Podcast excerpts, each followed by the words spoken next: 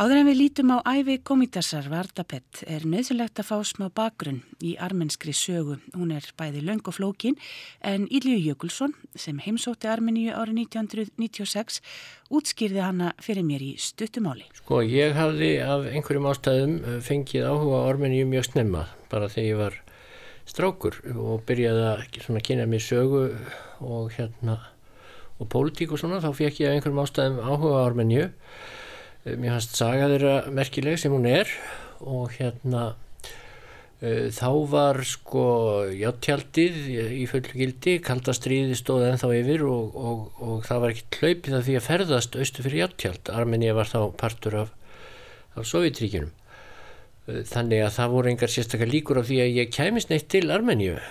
En, en hérna þetta var svona í mínum huga einhvers konar drauma staður mér fannst þetta romantískur og, og, og dramatískur staður. Þetta, eins, og, eins og ég segi sagan er mjög löng og dramatísk.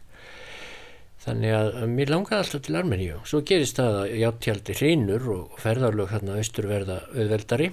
Og hérna þá fór ég að hugsa mér til hreyfings og síðan gerist það árið 1996 að þá var haldið olimpíuskákmót í hérna í uh, Jerevan höfuborg Armeníu og uh, þar sem ég hafði nú þá en þá tölverðan áhuga og örlítið vitt á, á hérna skák þá dætt mér í huga að nota þetta tækifæri til að komast þangað austur og, og lindi ekki látum fyrir en ég gætt fengið morgunblæðir til þess að senda mig þangað sem hérna fréttarittara til að fylgjast með olimpíu skákmótinu og uh, þannig, þannig vildi þetta til að ég fór til Armeníu. Ég var þarna í, í þrjár fjóra vikur það er, auðvitað var ég að, að fylgjast með skákmótinu fyrst og fremst en, en svona eftir því sem að hægt var þá reyndi maður að drekka í sig uh, umhverfið andrumsloftið, söguna og svona kynnast fólkinu eftir því sem hægt var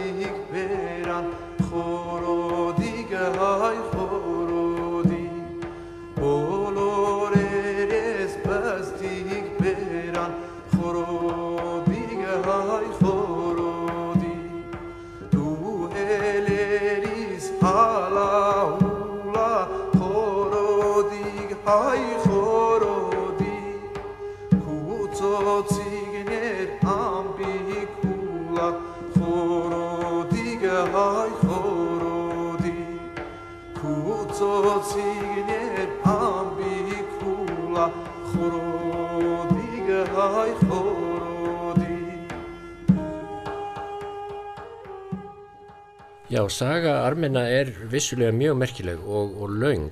Það, hún er í raun og veru, það er í raun og veru bara tvær þjóðir sem geta eh, í raun og veru rakið sögu sína einhver þrjú þúsund ára aftur í tíman og þannig að það er hæ- hægt að segja að þetta sé alltaf sama þjóðin að vísum með alls konar fyrirvörum. En það eru Armenar annars vegar og gýðingar hins vegar.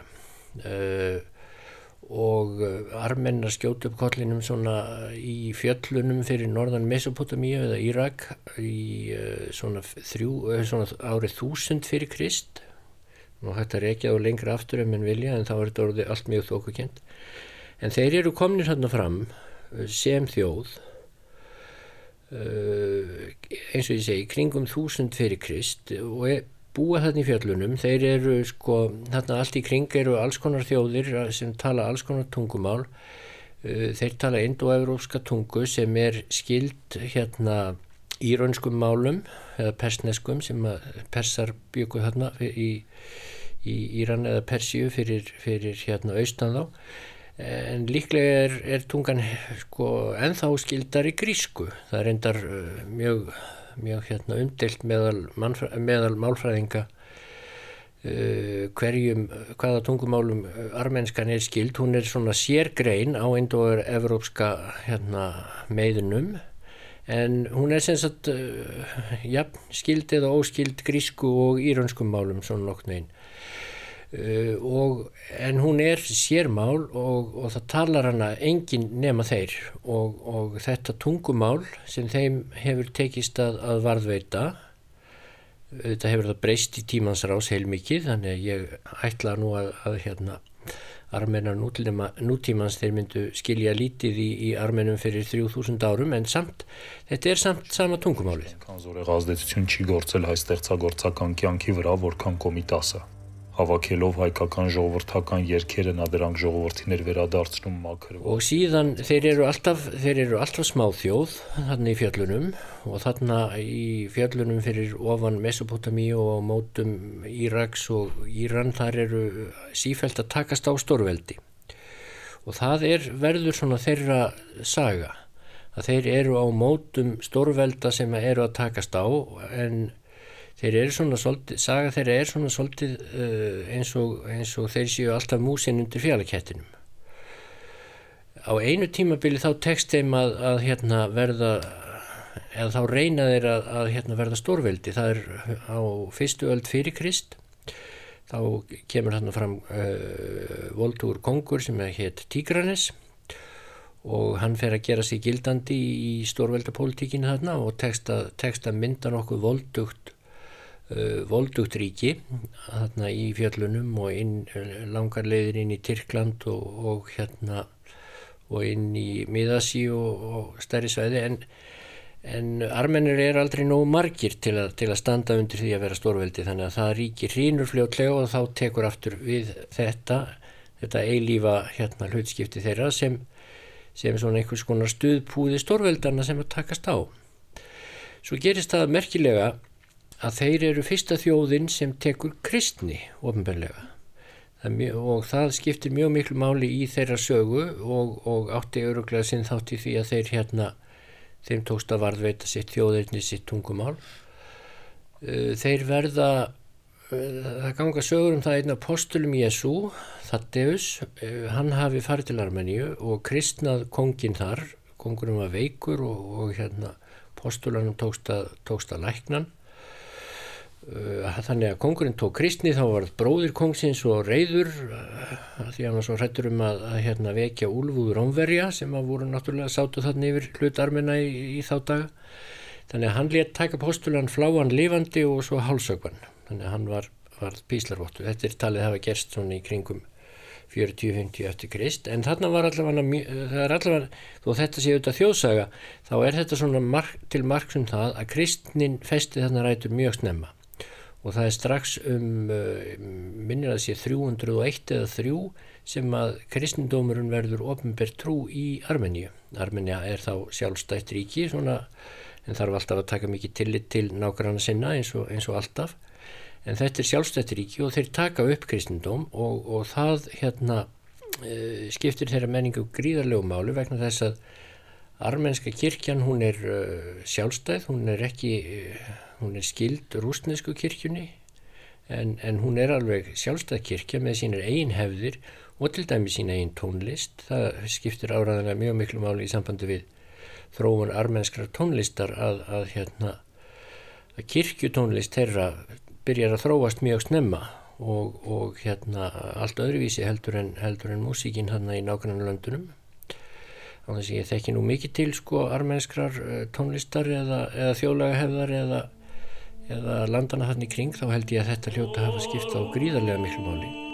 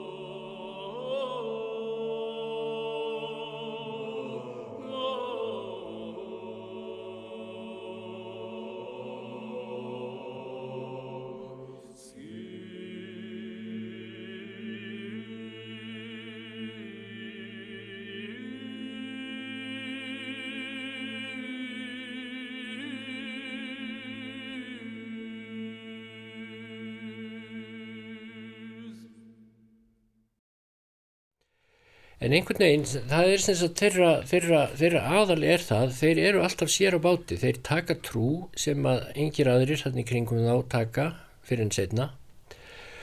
Þeir tala annað tungumál, þeir líta öðruvísi út, svolítið, uh, og síðan gerist það að þegar sko múslimar uh, ráðast út frá uh, hérna Arabíuskaga á, á sjöndu öld og leggja undir sig allt þetta svæði, þeir leggja undir sig Arabíu, þeir leggja undir sig Írak, þeir leggja undir sig Íran, þeir leggja undir sig Tyrkland og Miðasju. Á öllu þessu rísastóra svæði uh, endar það með því að uh, þeirra undir okkur þjóðir taka allar upp í Íslam og gerast múslimar örfáar þjóðir af einhverjum ástæðum sem er ekki alveg nógu gott að skýra. Örfáar þjóðir halda sinni trú og, og þar á meðal eru armennar helstir. Þeir, þó þeir hverfi nú svona bakvið játtjald ef, ef svo má segja uh, Íslams og, og verði þar næstu þúsund árin þá halda þeir alltaf sinni trú. Og það virðist vera sem að, sem að hérna hinnir músleimsku herrar eh, sem að réðu uh, Armeníu á, á hverjum tíma að þeir hafi fljóðlega gefist upp á að reyna að tróða annari trú upp á armena, það bara gekk ekki. Þeir voru greinilega ákveðin, þjóðarvitundin er einhvern veginn svo gríðarlega sterk í, í þessu fólki að það var, og, og þá sagt, þeir nota, þeir nota trúna, þeir nota tungumálið, þjóðsögur og þá þjóðlögvæntanlega líka, þó ég viti nú minnst um það. Þeir nota það til að halda í þessa þjóðarvitund og það hefur þeim tekist meðan óteljandi aðrar þjóðir hafa komið og farið, gufað upp, horfið í, í þjóða hafið og, og svo framvegis og svo framvegis.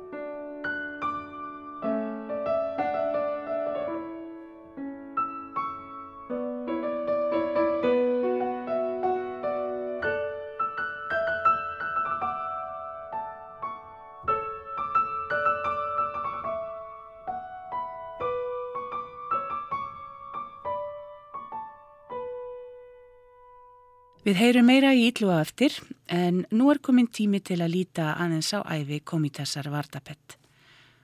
Hann var fættur Sogomon Sogomonien í Kútía, Tyrknesku mælandi Þorpi árið 1869, enda þá Armenia hluti af Ottomanveldinu. Fóreldrar hans voru armenar en töluðu þó kvorugt armensku en stranga reglur bönnuðu það tungumál víða í Tyrkjaveldi. Sókomón litli var aðeins sex mánada gammal þegar móður hans lést og ólst hann upp að mestuleiti hjá frængu sinn og föðurömmu. 11 ára gammal var hann sendur til náms til tyrknesku borgarinnar Bursa en var sendur tilbaka þegar fadir hans lést ári síðar.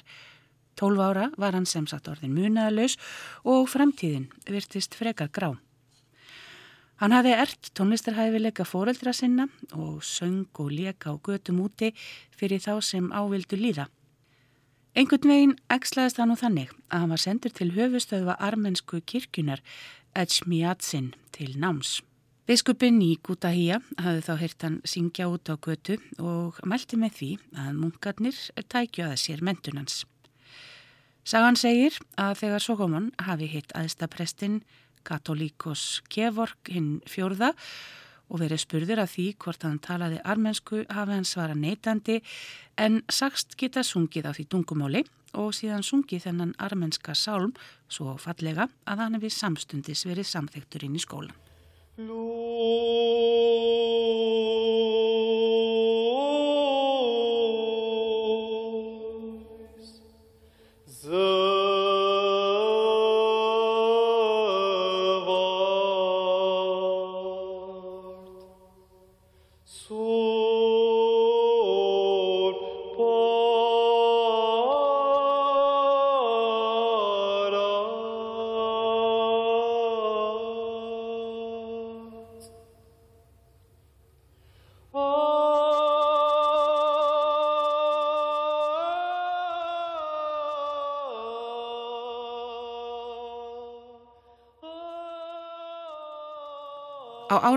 1981 til 1910 átti Komitas sér heimili í Edsmiatsin en hann varði einni dágóðum tíma í Evrópu.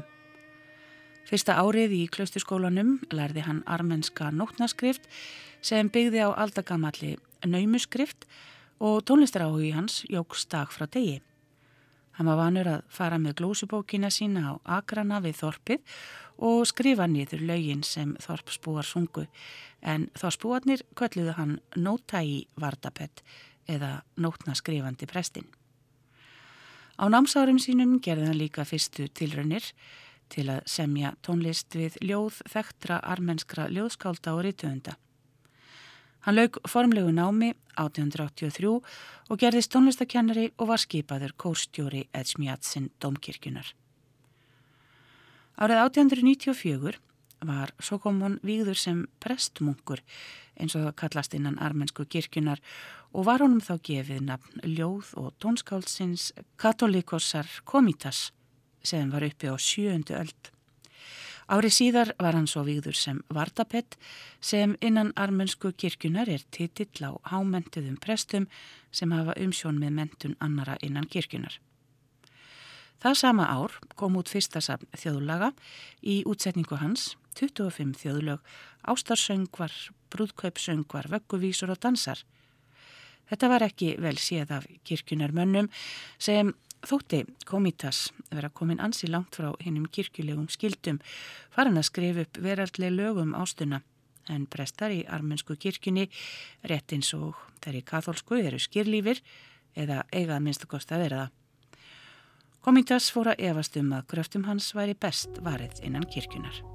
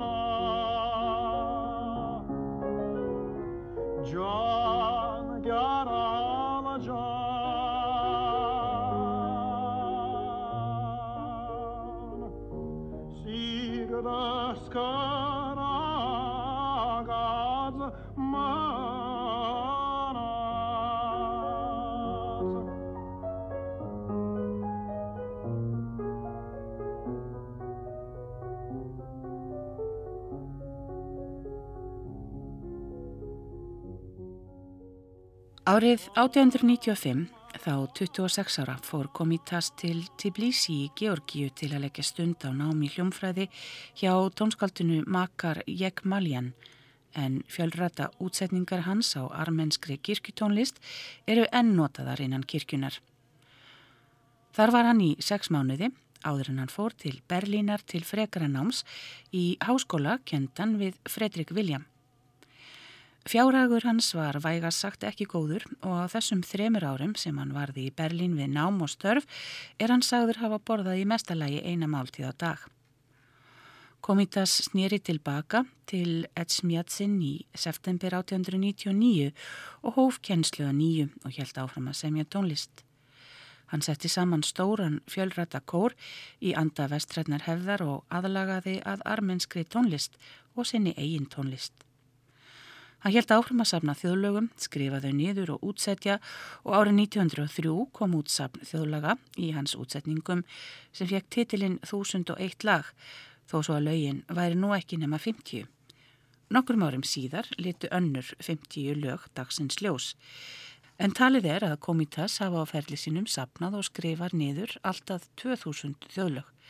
En í dag eru einungis 1200 sem hafa staðist tímans tönn. Hinn eru glötuð.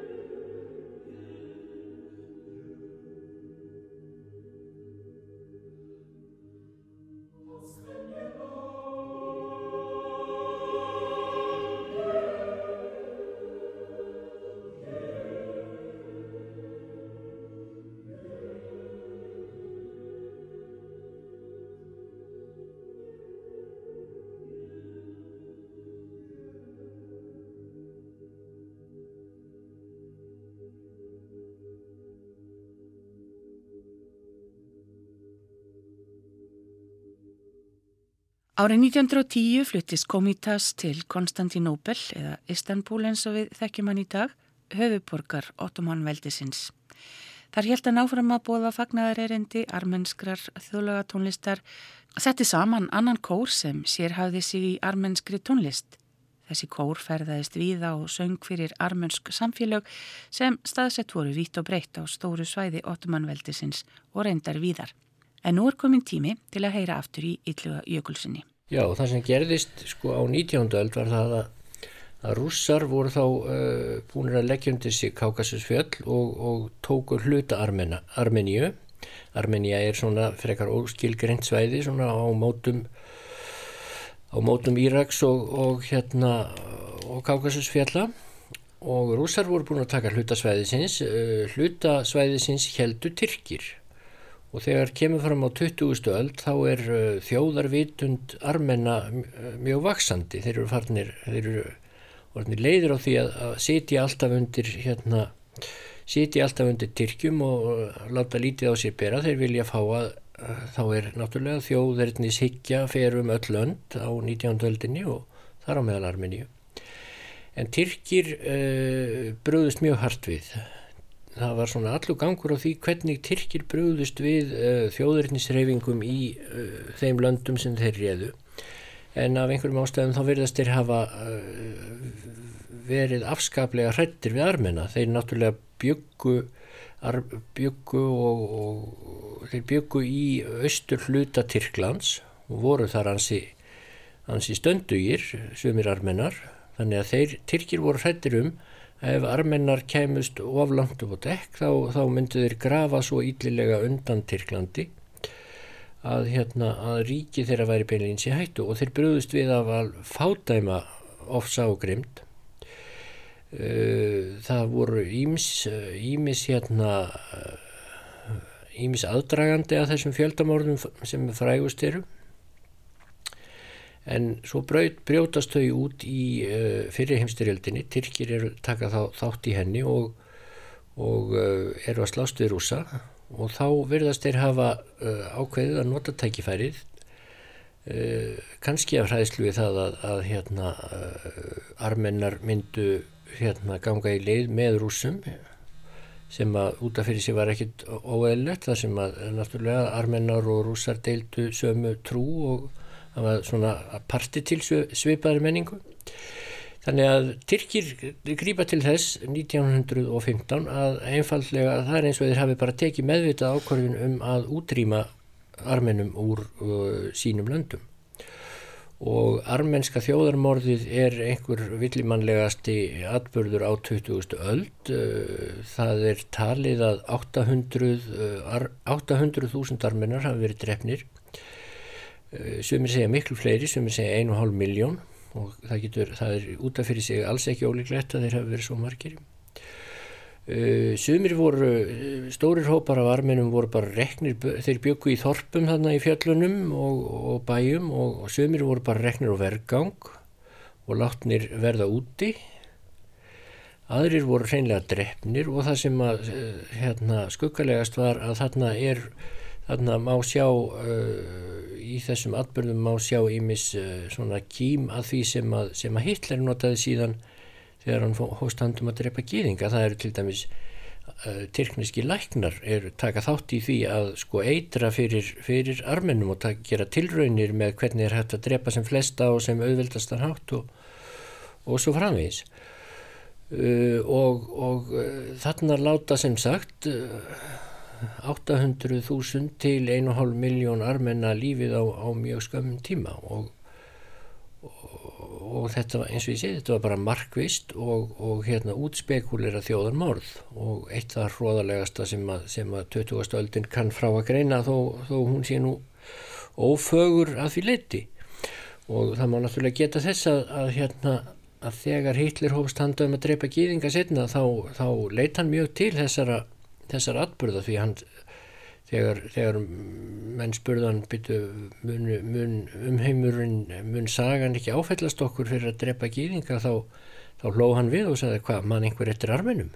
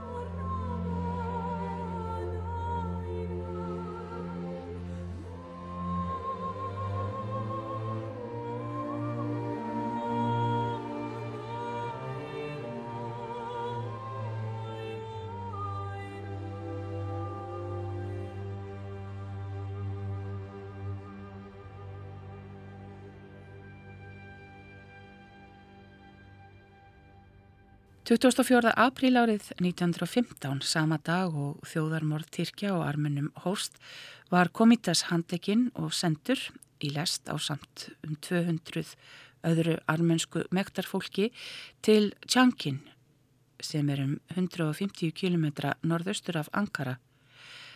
Tyrkneskrir vinir komitasar komi í veg fyrir að hann erði drepin í fangabóðunum þar og fenguð hann sendan aftur tilbaka til höfuborgarinnar á samt átta öðrum armunum sem höfðu einnig verið handteknir.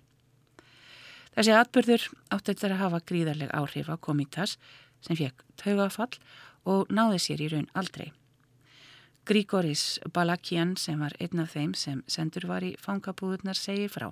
Því lengra sem við fjarlæðumst höfuborgina, þeim mun æstari urðum við og við vorum miður okkar af hræðslu. Okkur fannst við sjá glæpamenn baku hverja klöpp og hengjurum eða körfur í trjám breyttust í okkar huga í snörur. Hinn stórkoslegi gáumæður og sérfræðingur í armenskri tónlist, fadir Komitas, var í sama vagnni, virtist viti sínu fjær. Hann sá tríen sem er rippalda reyðu búin að drepa og faldi höfu sitt undir kápufaldi mínum eins og hrættur fugl. Hann grátt bað mig um að blessa sig og taldi að það myndi róa hugans. Hösti 1916 var Komitas lagðurinn á sjúkrahús í Konstantinópel og þremur árum síðar var hann sendur til Parísar þar sem hann var lagðurinn á geðsjúkrahús í Vísveif. Hann var í ángist, þjáðust af þunglindi og það sem í dag myndi vera kallað áfallastreituröskun. Það er lést hann árið 1935, 66 ára gammal. Árið síðar var Aska hans fær til Jerevan og komið fyrir í grafísi sem nefnt var eftir honum.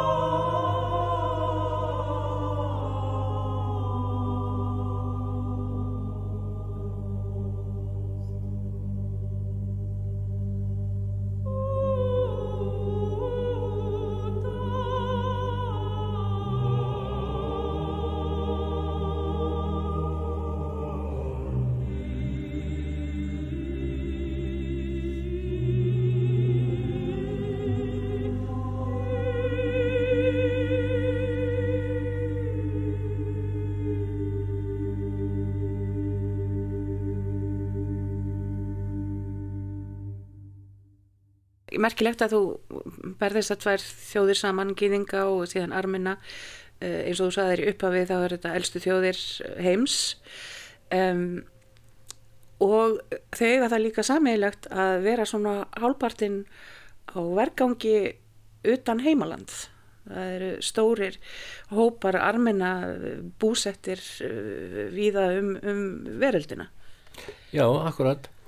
Þegar ég fór til Armeníu hérna árið 1996 uh, þá var ég svolítið hissa skal ég segja þér vegna þess að ég einhvern veginn hafði lesið það út úr sögunni þar sem þeir voru sífælt ofsóttir og, og sífælt einhvern veginn að, að samt að, að stappa í sig stálinu og, og, og halda þrjóskast áfram og svo leiðis.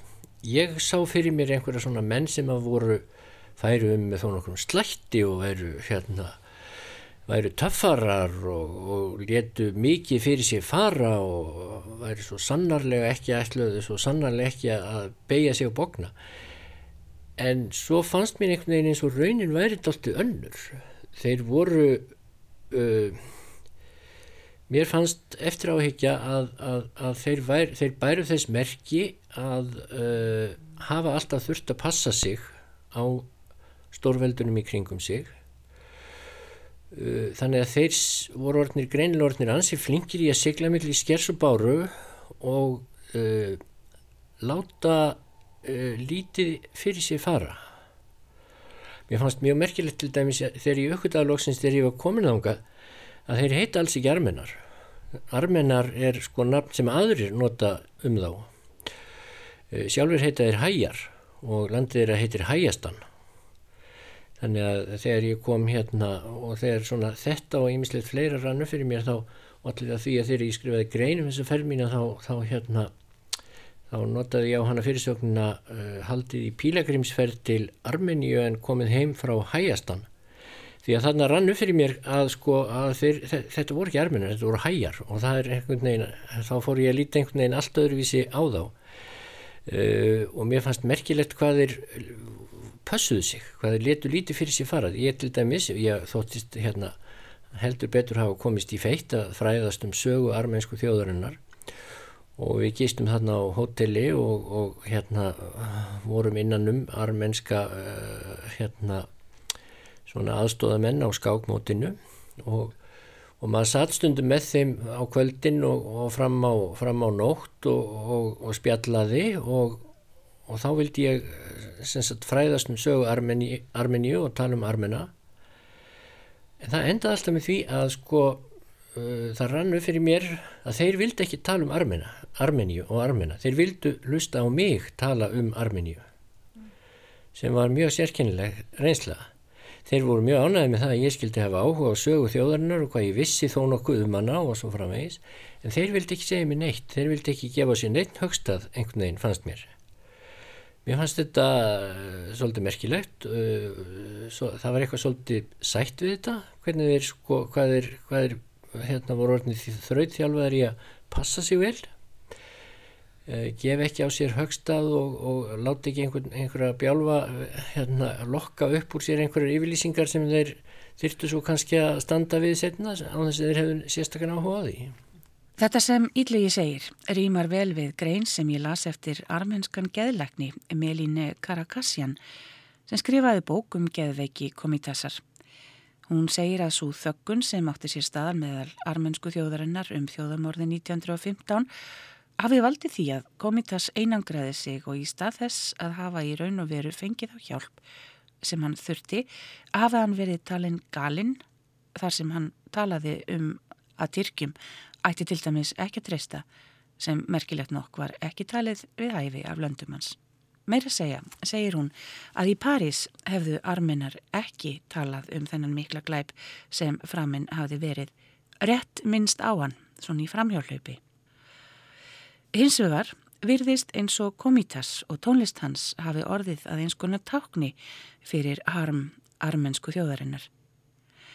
Árið 1950 voru handrit komitassar eða það sem eftir var af þeim sendt til Jerevan þar sem í dag má finna um hann minnismerki í höfuborginni meðal annars er armenska konservatória nefnd eftir honum. Árið 2015, þegar þess var minnst að 100 ár voru liðin frá þjóðarmorðum armensku þjóðarinnar, voru haldnir fjölmarkir tónleikar þar sem þekkti listamenn komið fram og þar var segin saga að píjónuleikarar, fyluleikarar, söngvarar og seluleikarar tóku smáverkan sem aukalög sem að bæði stert og áhrifða mikið. Skulum enda þáttin í dag á einu slíku verki eftir komitas.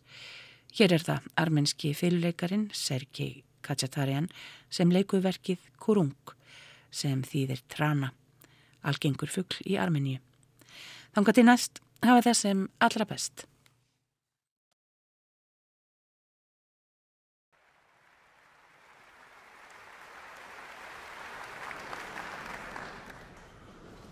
2015 uh, is a very special year for us Armenians because this year is the 100th uh, remembrance year of the Armenian genocide.